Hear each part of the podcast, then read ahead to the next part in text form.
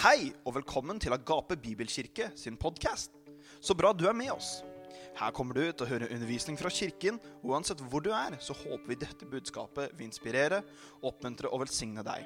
Men først, sjekk oss ut på Instagram, Facebook og på agapebibelkirke.no. Her er siste gudstjeneste fra Agape.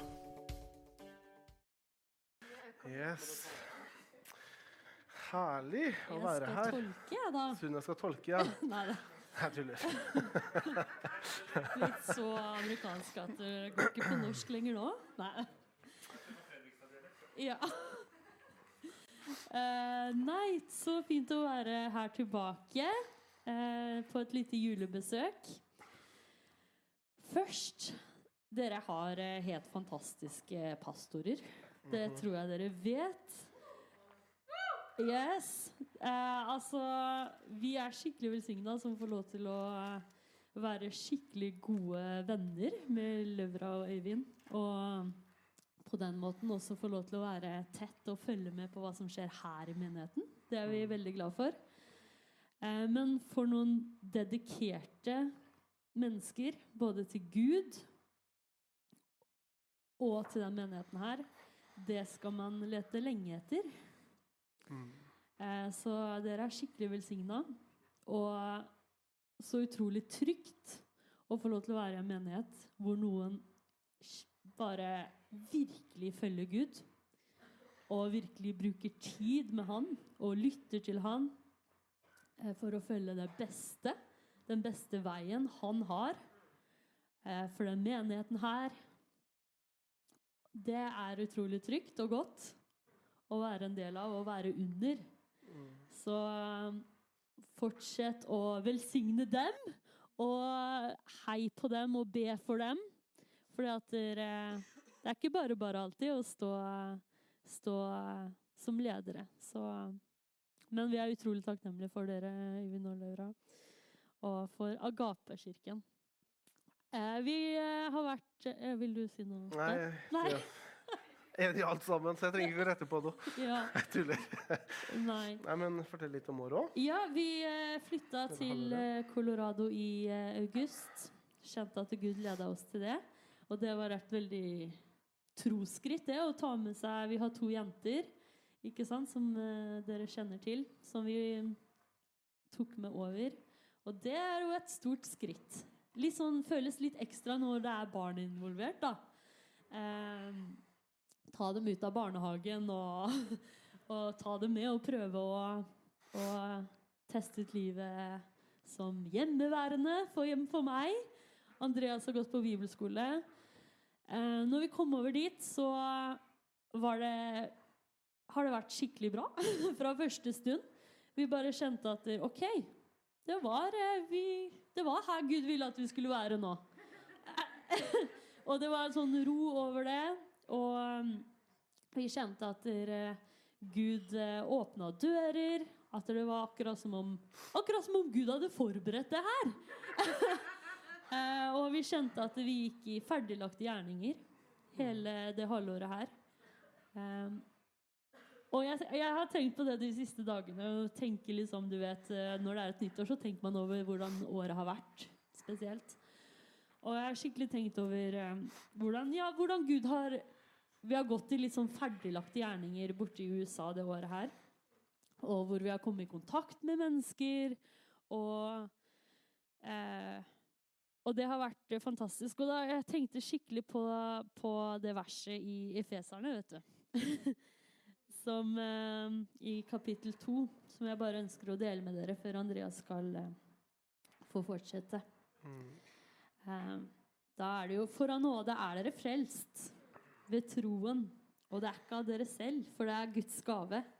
Ikke avgjerninger for at eh, noen skulle rose seg.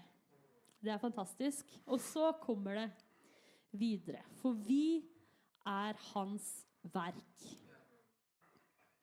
Vi er hans verk. Gud har skapt oss, hver enkelt av oss. Og eh, jeg lærer veldig mye av barna mine. De er to og tre år gamle. Eh, Men jeg lærer veldig, veldig mye.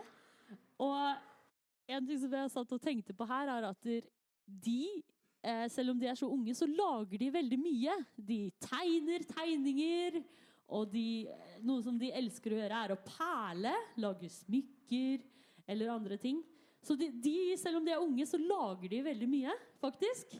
Og det som fascinerer meg, er at når de lager noe, så har faktisk dem en plan over hva det skal brukes til, det de lager. Eh, så de tegner en tegning, og mens de tegner, så Den her skal henge på kjøkkenet, mamma. Eller den her skal henge på rommet mitt. Eller det smykket her, det er til bestemor. Er ikke det fascinerende å tenke at når de lager noe, så har de faktisk en plan for hva det skal brukes til? Og, det, og jeg tenkte på det med Gud også, at vi vet jo at han har planer for oss. Han har ting han som har tenkt ut for hver og enkelt her. Vi er hans verk. Og så kommer det videre i det verset her noe av det som han har tenkt ut for oss. Vi er hans verk, skapt i Kristus Jesus til gode gjerninger som Gud har gjort ferdige på forhånd for at vi skulle vandre i dem. Vet du hva, Det året, halvåret her har jeg kjent skikkelig det. At Gud, det ble så veldig tydelig når han flytta oss fra Norge til USA. Og så bare merker man at Oi, det mennesket her eh, følte vi en skikkelig kontakt med at vi skulle så noe inn i. Det virka ikke helt tilfeldig. Her tror jeg Gud har eh, gjort noe på forhånd, sånn at vi skal vandre inn i det. Eller her har Gud forberedt eh, Ja, vi har skikkelig merka det tidlig, da. At Gud har eh, gjort noe på forhånd for at vi skal vandre inn i det. Og det tenkte jeg også at jeg ville dele med dere, det halvåret som vi er i nå.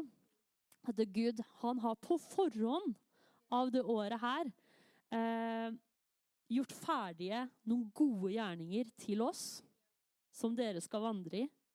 Så bare det å være liksom bevisst på det, og tenke på det Vet du hva, det halvåret her har Gud noen gode gjerninger for meg, som jeg skal vandre i.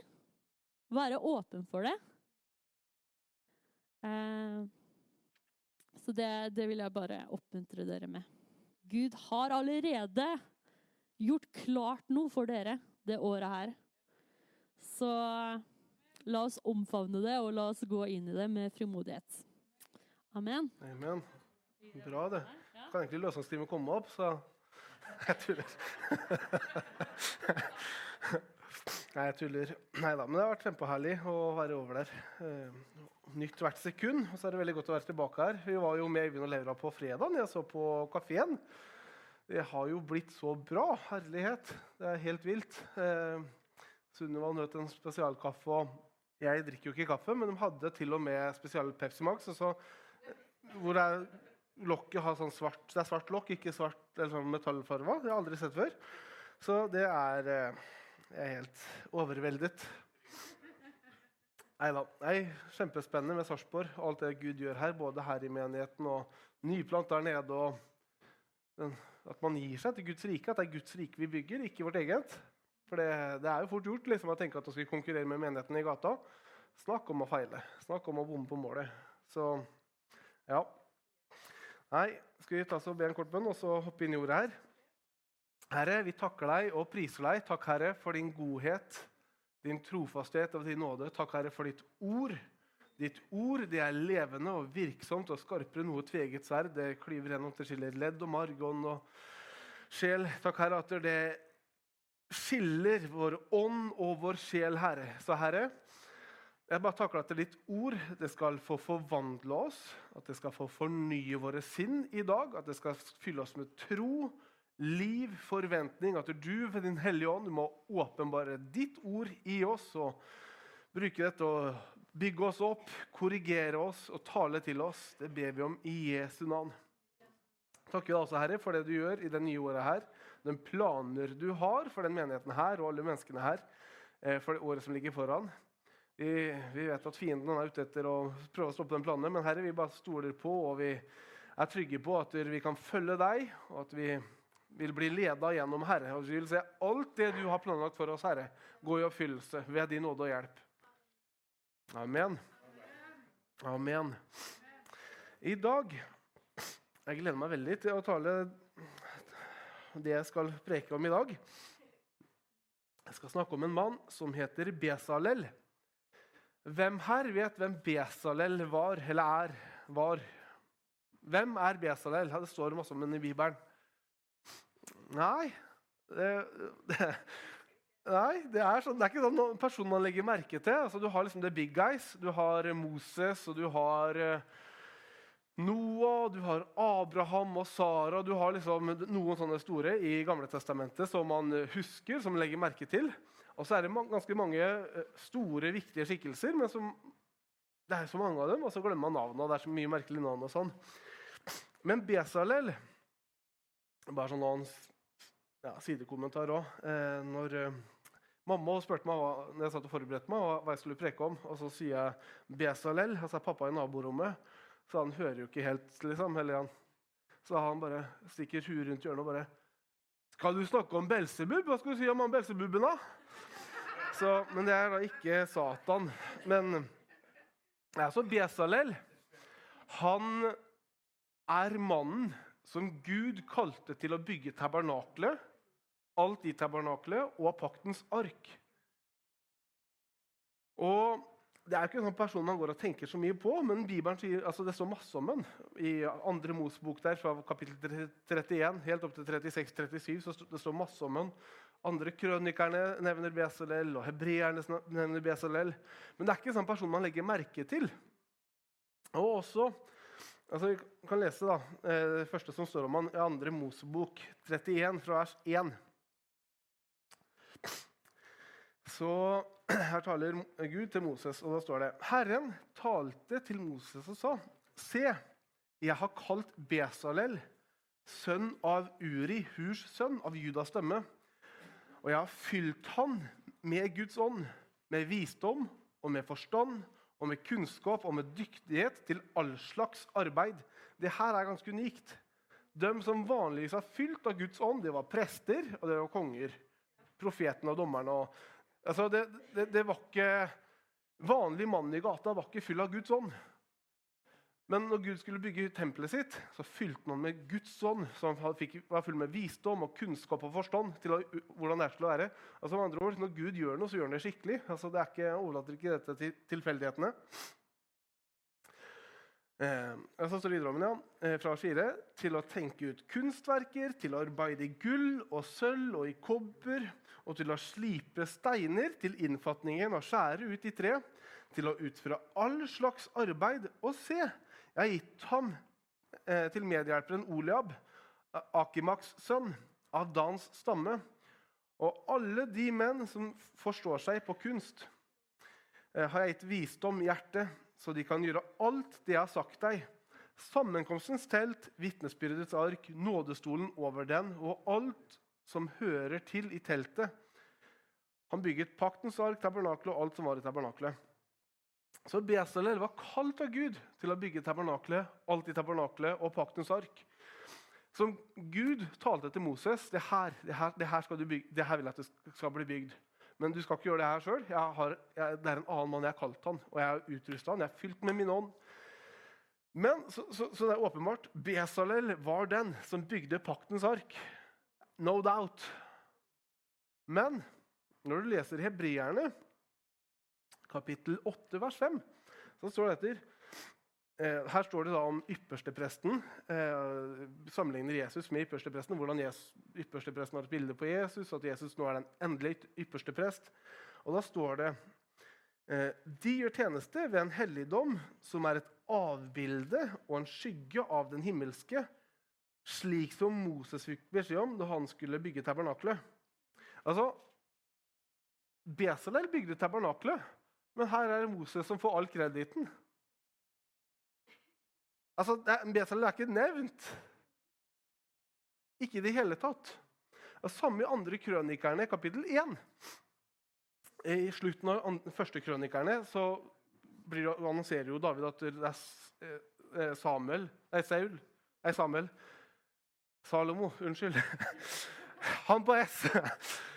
Salomo skal ta over som konge. Men han snakka ganske ned foran folket. Så når Salomo da tok over som konge, Og Det var jo litt sånn gemulter med det. Noen andre sønner som hadde lyst til å bli konge her og prøvde å kuppe det. Så når Salomo blir konge og skjønner han skal bygge tabernaklet, så går han til, nei, bygge tempelet, så går han til tabernaklet som Besalel har bygd. Og så ber han Gud om visdom. Altså, det, er bare sånn der, det er så vakkert, det er så stort, det er så flott.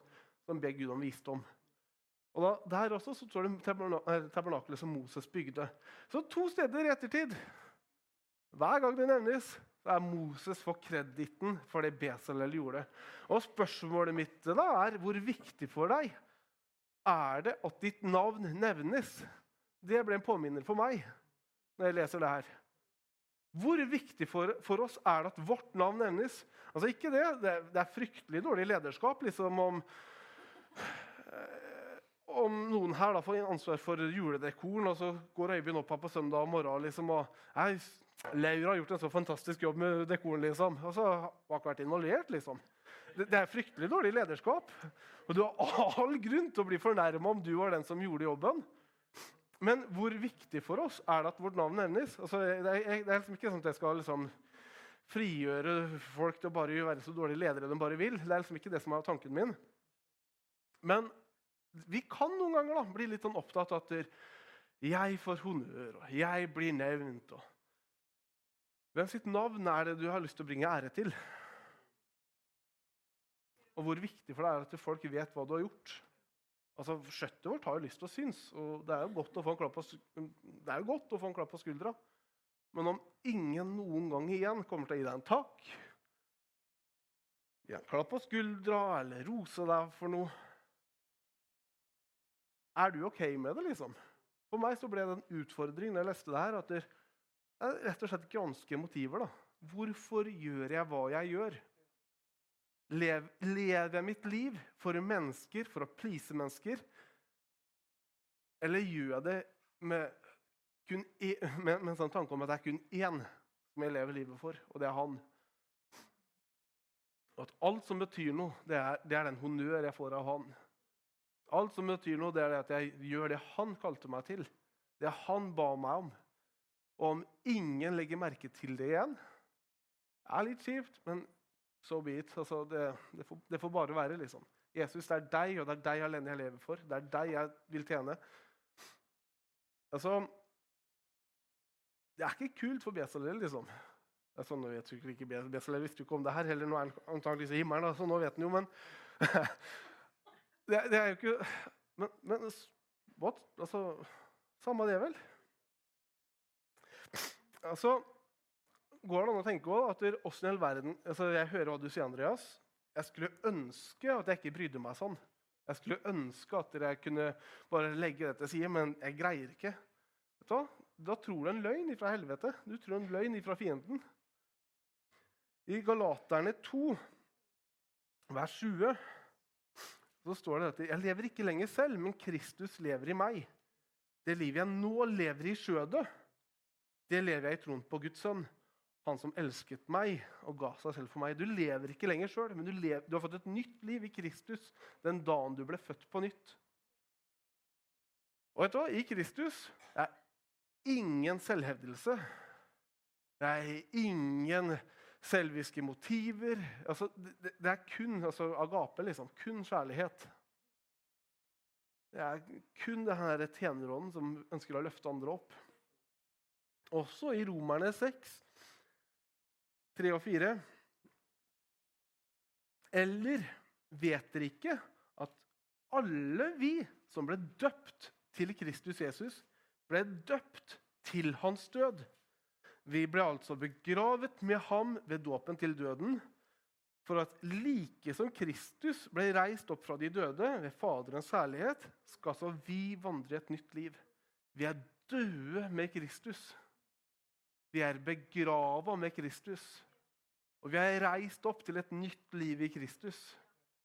Vår ånd har gått fra å være åndelig død til åndelig levende. Åndelig atskilt fra Gud og barn av denne verdens gud, altså djevelens barn, til å være Guds barn. Født på nytt og så rene og så rettferdige på innsida at akkurat sånn Kristus var, kan vi vandre. Og det kan gå fra å være et sted at vi i starten så er det bare en bestemmelse man tar, og så prøver man å leve det ut. Men etter hvert som man lever med han dag for dag og dag, og han får prege oss, så det, kommer man til en plass hvor følelsene våre følger etter. I starten er det en bestemmelse. vet du hva? Jeg, jeg, jeg føler en ting, men jeg har bestemt meg for Jesus, jeg lever for deg. Det betyr ikke noe om folk ikke legger merke til det man gjør. Altså, gjør det vondt i kjøttet, liksom. Det gjør vondt i følelsene våre noen ganger. Men etter hvert, altså, etter hvert som man lever med han dag for dag, og han får prege oss, så kommer man til en plass hvor man rett og slett bare Samme det, liksom. Who cares? Hvem sitt navn er det du ønsker å bringe ære til? Nummer to andre ting jeg får ut når jeg leser, av Besalel, leser om Besalel, det er at jeg skjønner at det det vi er kalt til å gjøre. Det Gud har kalt oss til, det er så stort at vi har ikke sjans i egen, egen kraft. Vi alle som sitter her sånn, vi er kalt av Gud. Vi er utrusta av Gud. Og det kallet han har for oss, det er så stort at ikke, vi har ikke sjans i vår egen kraft. Altså, Gud har ikke kalt deg til noe du bare kan gjøre i egen kraft over tid. Det han har kalt deg til, det er, det er en sånn dimensjon at du, det vil ikke gå uten han. Og grunnen til det, det er at han ønsker å gjøre det sammen med deg. Han ønsker å gjøre det sammen med deg, og han ønsker å gjøre det ut gjennom deg. Altså, Målet med tjeneste har aldri vært at du skal drive og holde på med et eller annet alene. liksom. Gå over på sida her og jobbe med et eller annet alene. Målet med tjeneste det har jo vært at han skal gjøre det sammen med deg. Altså, Fra dag én, liksom. Før fall, syndefallet, altså når Adam tjente Gud med å gi dyra navn så Gud kunne kommet på mye bedre navn enn Adam. Det var liksom ikke sånn at dere, Adam, jeg er bare tappa for kreativitet i dag. Kan du være så snill å gi dem navn? Altså, det, det, var jo fordi at Gud ville gjøre, gjøre, noe sammen med sin sønn. Altså, Adam var skapt i Guds bilde. Og Fra tidens grunnvoll ble lagt, altså verdens grunnvoll ble lagt Gud kunne liksom før verden var til, bestemt seg for at jeg gjør ting på en annen måte. Folka her kommer til å messe opp så kolossalt at her er det best å bare gjøre det sjøl. Men Gud bestemte seg fra verdens grunnvoll ble lagt at? Jeg, jeg, gjør det sammen med dem. Jeg, skal, jeg, jeg, vil bruke mitt folk. De skal få spre evangeliet. De skal få gå ut. Jeg vil gjøre det med dem og ut gjennom dem. Rett og slett for denne relasjonen det bringer med seg. da, Å gjøre noe sammen. Så om Besalel altså Det Gud har kalt oss til, det er så stort at vi kan ikke gjøre det sjøl i egen kraft. Om Besalel, Vi leste jo akkurat i stad Hebreerne 8,5. kan lese det igjen. Jeg vil at du skal legge merke til den første delen her. Selv om Moses fikk kreditten, da. Eh, den første delen av verset her så står det etter De gjør tjeneste, altså yppersteprestene, ved en helligdom som er et avbilde og en skygge av den himmelske. Besalel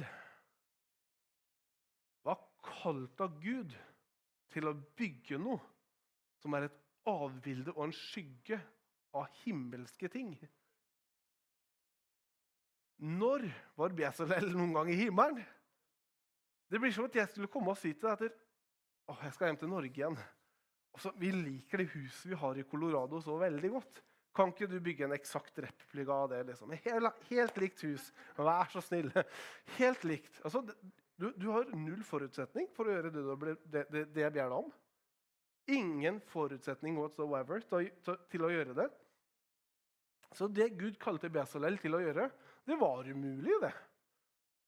Han måtte bare dag for dag gjøre det han, det, det han kjente seg leda til. Altså, Gud hadde gitt Moses et bilde, eh, så han hadde sett et syn oppe på fjellet.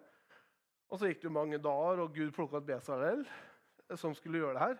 Og Moses forteller Besalel men det er ganske stor forskjell. Liksom. Du skal bygge et helt telt, og det er alle de her små detaljene. Og Moses har fått et bilde, og han gir det videre til Besalel. Det er ganske mye derifra til at det, det her blir eksakt hva Gud hadde tenkt. Hver dag så trengte Besalel å høre fra himmelen, være ledet av Den hellige ånd i det han gjorde. Altså det han, I utgangspunktet er det umulig uten Gud. Det går ikke uten Gud. Og en annen sånn, øh, Altså, jeg ser jo det her igjen og igjen og igjen i Bibelen. Når Gud kaller folk til å gjøre noe, så er det sånn, på et sånt nivå at du, kan, man kan ikke gjøre det sjøl. Man gjør sin naturlige del, og man gjør det Gud har bedt oss om. Men så må vi bare stole på at han leder oss, og at når vi har gjort vår naturlige del, så gjør han sin overnaturlige del. At han bringer inn ressursene, eller han gjør sin del. da. Det samme ser vi med Moses, nei, eh, Noah. I første Mosebok, kapittel 7, fra vers 1 der, da har da er endelig arken blitt ferdig. Og så skal man bringe dyra inn på arken, og så sier Gud til Noah at av alle urene dyr så vil jeg at du skal ha med én hanne og én hoe. To dyr. Altså ett par, men to dyr. Men alle rene dyr de skal du ha syv par av. Så spørsmålet mitt er åssen i all verden sånn i utgangspunktet skal Noah vite hva som er et rent dyr og et urent dyr? For den definisjonen får vi først med Moses nesten 1000 år etterpå. Han, han, I utgangspunktet har han ingen forutsetning, liksom. For, å vite hva som er et rent dyr eller et urent dyr. Men han må stole på Gud, da. Altså, altså, jeg, jeg, kan bare se for meg sånn i utgangspunktet når Gud ber Noah om det her, at Mos, altså Noah freaker litt ut. da, og så bare Et rent dyr, liksom. Og så ser han over på alle de her kattedyra som er, generelt er renslige, liksom. Og så ser han over på alle de der, ja, kuer, gass, altså, gass, vannbøfler og flodhester og alt som hvelver seg, griser. Alt som hvel- hvelver seg i gjørme, liksom. tenker You're out. You're in. Altså, jeg, jeg kan bare se det for meg. liksom, at det, det er fort gjort da, å ta det her i det naturlige. altså, Hvem kriterier skal jeg gjøre det her ut fra? liksom? Og så Men tror jeg det at når alt kom til alt, da, så levde Noah hver eneste dag med Herren. Og at dyra kom inn til arken, og, og Gud jeg, brakte ut dyr fra hele verden. og at du, Ved et vitnesbyrd seg så skjønte Noah at de her skal jeg bare ha to av. Den grisene han clean, urene. Så én hanne og én ho, og den siste hanna der prøver å slå seg, vei, slå seg inn, liksom, men left behind. Altså, De andre skjønner at ja, her, her skal jeg ha syv par. Her skal jeg ha 14 dyr. Syv par. Syv hanner, syv hoer. For at Hver dag så var han ledet av Den hellige ånd. Gud ba ham om å gjøre noe som fysisk altså Det var ikke mulig. Og det kallet du har i ditt liv, det er på en sånn måte at du kan ikke gjøre det i din egen kraft. Du har ingen forutsetning i din egen kraft å kunne gjøre det. Men hver dag så kan du stå opp og så kan du bruke tid med han og prise han og takke han at han har en plan for livet ditt. og Han ønsker å, han ønsker å bruke deg på at Guds rike skal gå fram. Så gjør du det du vet å gjøre. At det her er det Gud har kalt meg til. Og så må vi bare stole på at Den hellige ånd leder oss dag for dag og skritt for skritt. og Når de her umulige tinga dukker opp, i det han har kalt oss til, så gjør vi vår naturlige del, og så gjør han sin del, nei, overnaturlige del. Og sånn er livet. Altså, det, det er ditt personlige liv, men også for menigheten her. Altså, man har ledere i menigheten her, og man, at, man kan tenke liksom at døm, det de har kalt det, er liksom umulig. Nei, det, det alle her har kalt det. Altså, det er ikke ett menneske her som ikke med, altså, som ikke er en del av kroppen her. Vi alle, når vi ble født på nytt, ble vi, inn, altså, ble vi en del av Kristi kropp. Vi alle her er en del av Kristi kropp. Det Gud gjør gjennom den kroppen her, det gjør han gjennom alle eller ikke noen. Altså, det, det er sånn Gud fungerer. Det er sånn Guds kropp fungerer. Nøtter ikke liksom bare å tenke at det holder, holder med en hånd, vel. Altså, Vi trenger hele kroppen. Så det vi er kalt til, det har ikke sjans. Og Jeg har opplevd det sjøl òg så mange ganger. Altså, når Gud kalte oss til USA første gangen, vi hadde ikke sjans økonomisk. Altså, det var, det var ikke mulig. Og I tillegg så satte djevelen skjepp i hjula. ikke sant? Alt som kunne gå feil, gikk feil. Og det skjedde i løpet av bare et par-tre uker. Det, he, altså det, fins ikke en ting du kan komme på som jeg ikke tror skjedde, liksom, for at det på en eller annen måte skulle bli hindret rent sånn økonomisk. Men, men Gud tok oss gjennom det. Eh, når vi var, kom, kom over nå, så var det også trøbbel. Eller ikke trøbbel, men ja, litt sånn vanskelig for visum. og Kommer over der, vanskelig å få leid hus. Og akkurat for oss så liksom skal de ha tredobbel security deposit, og de vil helst ikke leie ut utenlandske. og det var bare så mye trøbbel. ikke sant? Man får leid seg hus, får vi endelig leid hus. Og fienden er jo ikke ferdig, så han vil helst ikke ha oss der i det hele tatt. Sunniva hater slanger, så han bare ja, let's send in some snakes. Jeg tror sånn ni slanger jeg, på tre uker. Det var bare Sunniva løfta på håndkleet til Lea. Vi hadde vært og bada på et badeland. Løfter på håndkleet. Under håndkleet mens jeg har vært ute i vannet, så har det lagt en klapperslange der. Så når hun løfter på, tenk, Jeg bare, bare ser for meg liksom Lea, jenteungen på tre og et halvt år, skulle løfte på håndkleet, der ligger det en klapperslange. liksom. Men Sunniva- heldigvis var det Sunniva som gjorde det isteden. så hun løfter på det her håndkleet, og den klapperslangen den ble livredd, så den setter av gårde, piler av gårde. Og den går rett mot en annen norsk dame som er, også har flytta til Colorado. Hun sitter der med toåringen sin. Måtte få knust huet på den, da. Eh, var vi ut, en annen, Samme moment altså mens alt det slangegreiene holder på, så var jeg ute en kveld og møtte et par gutter. Og så ringer Sunniva og spør eh, er ikke du hjemme. For har hun drevet lagt jentene, sitter oppe på rommet til jentene. Og så har hun hørt at noen har låst opp døra og drevet og gått rundt i stua og gått rundt på kjøkkenet og gått og rostert rundt i ti minutter. Og så ble det stille. Og så går hun ned helt sikker på at jeg er kommet hjem, og det er ingen der. Og så har vi en etasje til under. Og det er en dør som er lokka ned til der, så hun tør ikke å gå inn der. og liksom, hva er det altså, Så ringer meg, og så kjører jeg fort hjem. Går gjennom hele huset. Det er, det er ingenting er tatt, og ingen, det er ikke tegn til at det har vært noen der. Så to dager etterpå så sitter vi nede og så ser vi på, eh, sitter og ser på et eller annet på TV eller sånn, på kvelden. Og så går jeg, opp, må jeg på do. Og mens jeg sitter på do, så hører jeg noen går opp trappa. Og så går de forbi utafor do, dodøra, og så åpner de eh, døra inn på soverommet vårt og går inn der sånn. Jeg er jo helt sikker på at Sunniva også gikk opp for å skifte, ta på seg en genser til eller et eller annet. liksom. Så jeg kommer ned, og hun sitter jo nede. og Jeg hadde ikke hørt noen gå ned igjen. Så jeg bare Er du nede? Og hun «Eh, Ja, jeg har ikke Har du hørt noe, liksom? Så vi går opp og sjekker, og det er ingen der. Og så vi begynner å skjønne at aha Det er eh, fienden sjøl som ikke vil ha oss her. Og jeg er sikker på at noen hadde nøkkel til huset eller et eller annet. ikke sant? Og så ba vi og tok et oppgjør med det. Hvert noen ting etterpå. Ikke en slange, ikke et, Ikke en lyd. Og sånn er det. Jeg bare Gang på gang på gang.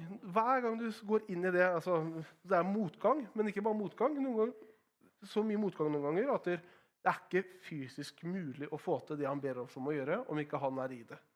Rett og slett for at han Det eneste måten å prise Gud på, det står i hebreerne Jeg kan jo lese det, så vi siterer det riktig. Hebreerne 11, vers 6. Ah, come on. Eh, ja. Men uten tro 11, eh, Hebreerne 11, 6, Men uten tro er det umulig å være til behag for ham. For den som kommer til Gud, må tro at han er til, og at han den som ham, belønner den som søker ham med iver. Hvis du snur på det verset for Uten tro er det umulig å være til behag for Gud. Hvis du snur på det Men i tro, så er du til behag for Gud. Altså, Eneste måte å virkelig altså, behage Gud, det er, det er å leve i tro. Vi er, vi er, kalt til å leve i tro. Altså den, den rettferdige det er alle som har tatt imot Jesus. Av tro skal leve. Så Gud kommer ikke til å kalle oss til noe som ikke krever tro. For det ikke er den feelingen at nå, nå, tar, jeg, nå tar, jeg, foten ut over båtskorpa, liksom. Eller båteripa. Altså, når Gud kaller oss, det er sånn det er. Det tredje jeg får når jeg leser denne historien om, når jeg leser om Besalel Jeg hang meg veldig opp i navnet hans. Besalel det betyr overskygget av Gud. Overskygget av Gud. I Salme 91, vers 1, så står det at den som bor i den høyestes skjul, skal hvile under den, allmektiges skygge. Så det å være overskygga av Gud, Nummer én er jo at det er et sted av beskyttelse. Altså, du bor i den allmektiges skygge. Du, han dekker deg med sine vinger. Men også når vi leser om I Nytestamentet så leser vi fem ganger kan vi lese om at noen blir overskygga av Gud. En av dem det er Maria. Når, i, I Lukas 2, når engelen kommer til Maria og forteller at du skal bli med barn Og hun svarer at åssen skal det gå til? Ingen, ingen mann har rørt ved meg. Jeg har ikke, jeg har ikke vært intim med noen mann. Og så forteller Gabriel at, den, at du skal bli overskygga av Gud. At den, du skal være under den allmektiges At den allmektige skal komme over deg og overskygge deg, og du skal bli med barn. Og så står det at det skjedde, og at hun ble befrukta. Og fra da av står det at hun var med barn. Så det å være overskygga av Gud, det er rett og slett en plass hvor man er helt alene med Han. Det er han, og det er meg. At jeg lar hans liv få prege meg. Han får tale inn i livet mitt. At han eh, avslører de her løgnene jeg begynner å tro på. Løgner om meg sjøl, løgner om mitt kall, løgner om hvem han er. Han avslører det med sannhet. Så de her løgnene bare må dette av. Men det er også et sted hvor, han bef hvor vi blir befrukta. Det, det var for Maria og Maria alene, bare som Jesus. Men befrukta av drømmer og visjoner for det han har for oss.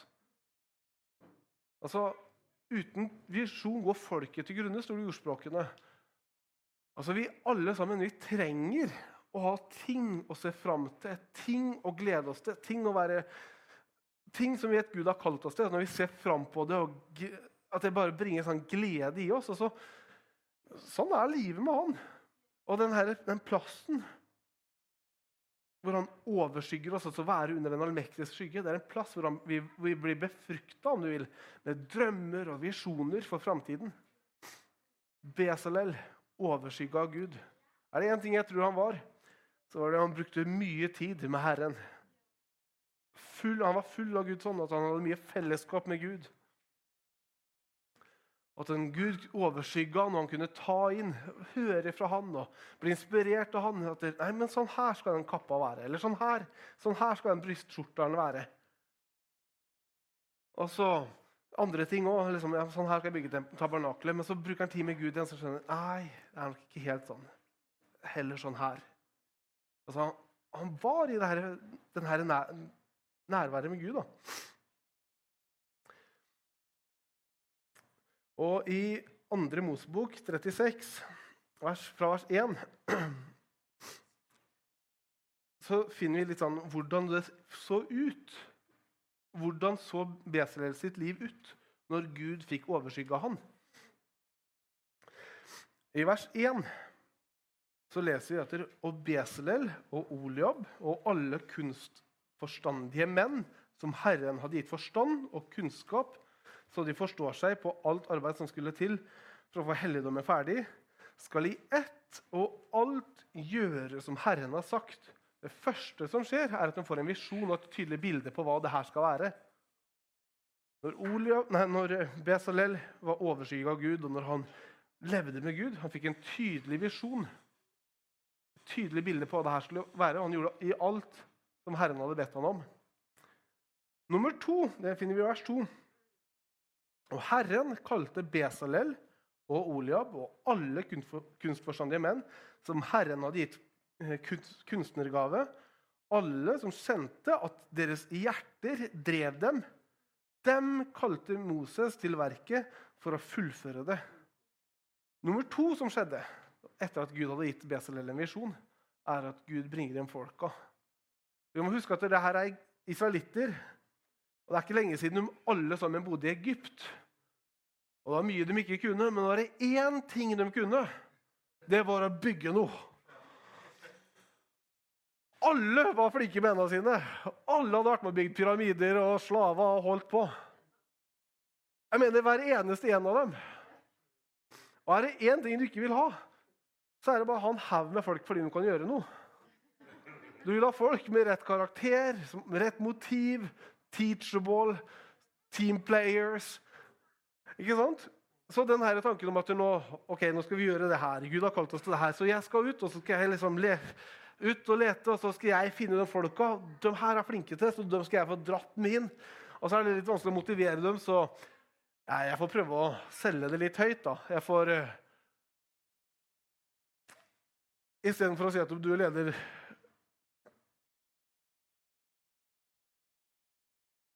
Vasketime, liksom. Du er manager over bygget. Altså liksom, Gi en eller annen crazy tittel for å bare blåse det opp og få inspirert dem til å være med. Altså, Det er jo det vi gjør når Gud kaller oss til noe. så tenker vi, aha, det her skal jeg gjøre. Altså, nå er jeg ansvarlig fordi jeg skal få med folka til å gjøre det her. liksom. Nei, Når Gud kaller deg til å gjøre noe, så vil han også bringe rett mennesker inn. Det står alle som har drevet hjertet, kalte Moses. Sånne folk vil jobbe med, sånne folk vil ha i teamet ditt. Når Gud kaller deg til et eller annet, samme hva det måtte være, om det er å starte en bedrift, om det er noe i menighet, om det er noe helt annet Du har lyst på dem som har lyst til å være der, som kjenner en glede ved det. Og når Gud kaller deg til noe, så vil han bringe de folka inn. Og så Oliab her, da, som medhjelperen hans. Oliab det er et todelt ord, og det betyr teltfar. Altså Faderens telt. Oliabs nærmeste medarbeider når han var bygd, kalt å bygge tabernaklet, altså et telt som Gud skulle være i, og alt som var i det. Han het Faderens telt. Gud, når Gud kaller, kaller, folk til å være en del av teamet ditt, når Gud kaller folk til å være med på det du gjør, så bringer han inn folk som er en konstant påminnelse om hva du er kalt til å gjøre. Altså De folka du finner sjøl, som ikke er dratt i det her da. De, de, kan minne deg på alt mulig annet. Altså, det, det er noen mennesker som i seg sjøl gir deg 100 grunner til å ikke gjøre det her mer. Men når Gud kaller på folk, så er det folk Det, det blir bare sånn en påminnelse hele tida. Hver gang du er med dem, liksom, en sånn påminnelse om ja, men det er jo derfor jeg gjør det her. Det er derfor jeg har lyst til å være en del av det her. Og så kan du tenke nå, Hvorfor forteller du oss det her? Hvorfor preker du om det her? Altså, er ikke det her mer sånn til ledere? Ja, men vet du hva? Vi er alle er ledere. Det er ikke én her i rommet her som ikke er en leder. Folk ser på livet ditt. Folk ser på din vandring med Gud og lar seg påvirke av deg. Altså, Alle her har innflytelse over noen. Og Vi er nødt til å begynne å se oss sjøl som ledere og vi er nødt til å begynne å se oss sjøl som ministers. Vi alle er kalt til tjeneste. En av de største løgnene fienden noen, noen gang har kommet med, det er denne løgnen om at du har de femfoldige tjenestegavene, og så har du alle andre. Altså, det finnes, I Romerne 12 så ser vi syv gaver som Gud satte i menigheten, altså hjelpegaver. Og så I Efeserne 4 så ser vi fem tjenestegaver. Tolv gaver alt i alt. Og alle sammen faller inn under en av dem her. Vi alle er kalt til å bygge opp Kristi kropp. Vi alle er kalt til å få Guds rike til å gå fram. Og Det er en løgn å tenke noe annet. Altså, det er en løgn fra fienden. Altså, I det øyeblikket menigheten aksepterte den tanke om tjenestegavene og de andre Altså, I det øyeblikket menigheten godtok den løgnen der fra fienden, så diskvalifiserte nærmest 85% av Kristi kropp seg sjøl for noen ting. Liksom. Jeg kan hjelpe til litt her og der, da, men altså, man ble liksom her på det. Vi er kalt av han. Det tredje som skjer her, i 2. Mosbok 36, det er fra vers 3 og ut til, til og med 7. Og da står det etter ressursene begynte å komme inn. Gull og sølv og tømmer, tekstil. Og det kom så mye av det, så Besalel måtte desperat gå til Moses og si stopp folket og bringe inn det gullet. Stopp som å bringe inn sølvet. Stopp dem å bringe inn denne tekstilen og tømmeret. Det, det er bare i veien til slutt. liksom. Det var så mye ressurser. Mer enn nok ressurser, så det ble bare i veien. Så han måtte rett og slett be dem stoppe dem i å, i å bringe det inn. Når Gud kaller oss til noe, så forsørger han for det også. For den menigheten her, altså, den menigheten her er forsørga av Gud. Den Plantinga som skjer ut fra det stedet her, nede i Sarpsborg, det er forsørga av Gud. Og det er forsørga av Gud. Når Gud kaller til noe, når Gud bestiller en biff, da betaler han regninga etterpå. Han går ikke bare, liksom. Så, det, det, det her er et mønster i BS-ledelsens liv, men jeg tror det her går igjen. Når Gud kaller til noe, så er det først en tydelig visjon.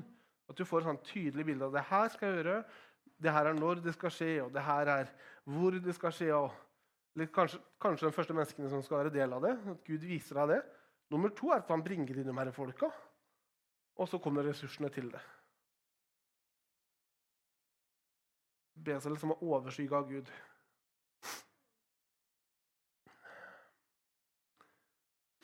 Jeg har lyst til å se på et par ting til i livet hans. Er det greit jeg snakker til dere litt da, som, som ledere?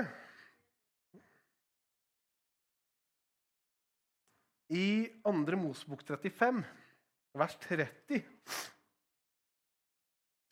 så gjør Moses en ting. Da står det etter Moses sa til Israels barn Se, Herren har kalt Besalel ved navn, han som er en sønn av Uri, Hurs sønn, av Judas stamme. Han er fylt med Guds ånd og med visdom og forstand til alle slags arbeid, til kunstnerarbeid, til arbeid med gull og sølv og bronse, til å slipe steiner, til, til innfatningen, til treskjæring og til all, eh, arbeid med all slags konst, eh, kunstnerhåndverk. Som andre ord, Gud, nei, Moses tar fram Besalel. Så steller han foran alle mannfolk i hele Israel. Alle mannfolk som også var dyktige med hendene sine. Og så bare sånn at Herren har talt til meg at han her, det her er mannen som Gud har kalt til å lede det arbeidet her. sånn. Han gjorde det bare tydelig at der, Gud har kalt han. Og du er, hvis du kjenner en dragning i hjertet ditt, så er du velkommen til å være med. Men han kommer til å lede det. Sånn tror jeg Gud gjør når Gud reiser opp noen. at Det er tydelig at det, men han skal få lede det. Gud kommer til å bringe inn flere mennesker, men her har du en leder som skal lede det. Og videre Fordi vi alle er ledere Hør på det her. Vers 34. Så står det om Besalel. I hans hjerte har han også nedlagt evne til å undervise. Dette har han lagt ned i både han og i Oliab, Akimaks sønn av dansk stamme.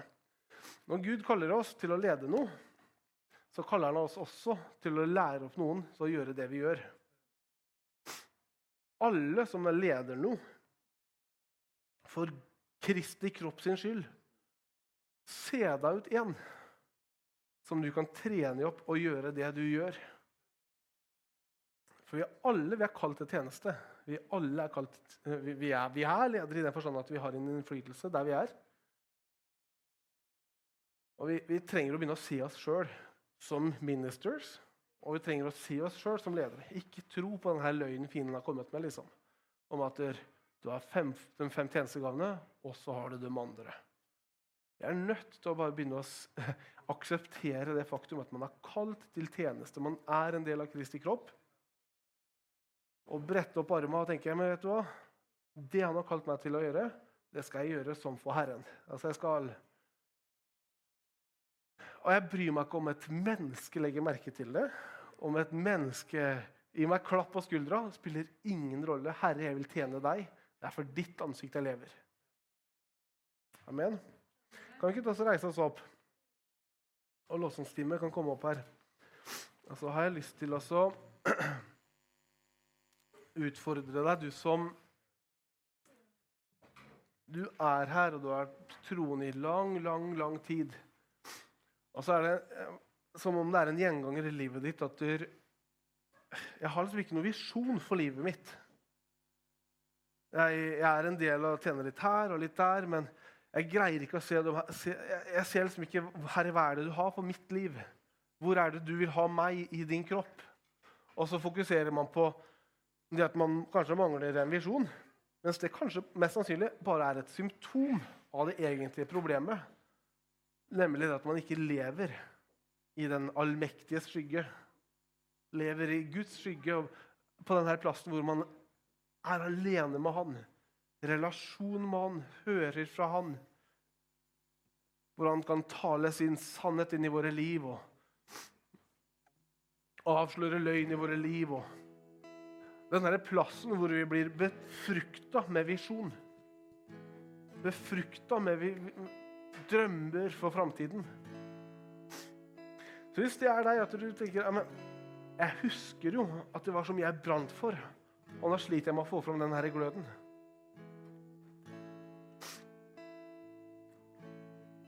Jeg har lyst til å be for deg. Altså, jeg vet at det kan være sånn der Skal jeg komme fram på det? Liksom, er ikke det litt Nei, det er overhodet ikke. Vi alle har vært der noen ganger.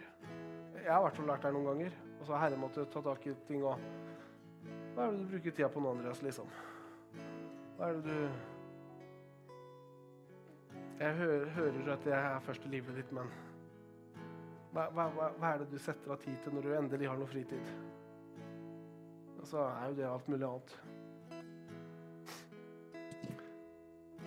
Så jeg vil invitere deg til å bare komme fram altså, som en bekjennelse for Gud. og At men Herre, jeg tar et valg om at det er deg jeg lever for. Er deg jeg lever for, Herre. Og nå, det er første pri, det er å bare leve for ditt ansikt. Leve under din skygge. Høre fra deg og ta inn ditt ord. og La deg få betjene meg.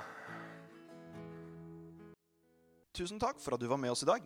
Vi vil gjerne høre fra deg og vite hvordan vi kan be for deg. Ta kontakt med oss enten via sosiale medier eller på nettsidene våre, så håper vi at vi ses ganske snart.